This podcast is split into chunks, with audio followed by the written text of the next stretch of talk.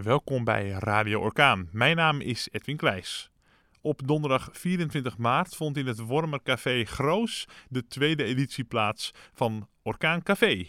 Een rondreizend evenement dat elke maand ergens anders wordt gehouden. Met in deze podcast streekdichter en orkaandichter Frans Rijgaard. Ik zou heel graag ter afsluiting onze streekdichter. We hebben bij de orkaan uh, de luxe dat we een echte dichter hebben.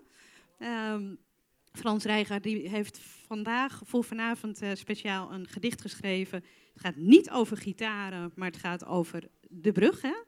Dankjewel, uh, Merel. Het gedicht heet Noodbrug. Bij de noodbrug in Wormer blijft een wandelaar staan. Hij tuurt in de verte. Daar komt een motorboot aan. De schipper manoeuvreert zijn vaartuig, behendig over de kalme zaan. Hij kijkt over de boeg en ziet de wandelaar staan. Vlak voor de brug kijken beiden elkaar aan. Ze lachen, ze knikken, om ieder weer verder te gaan. Bij het passeren van de noodbrug voelt de schipper een spetter.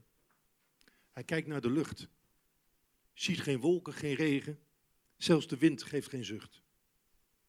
Als hij achterom kijkt, ziet hij daar nog de wandelaar staan die net uit hoge nood een plas heeft gedaan. Dankjewel.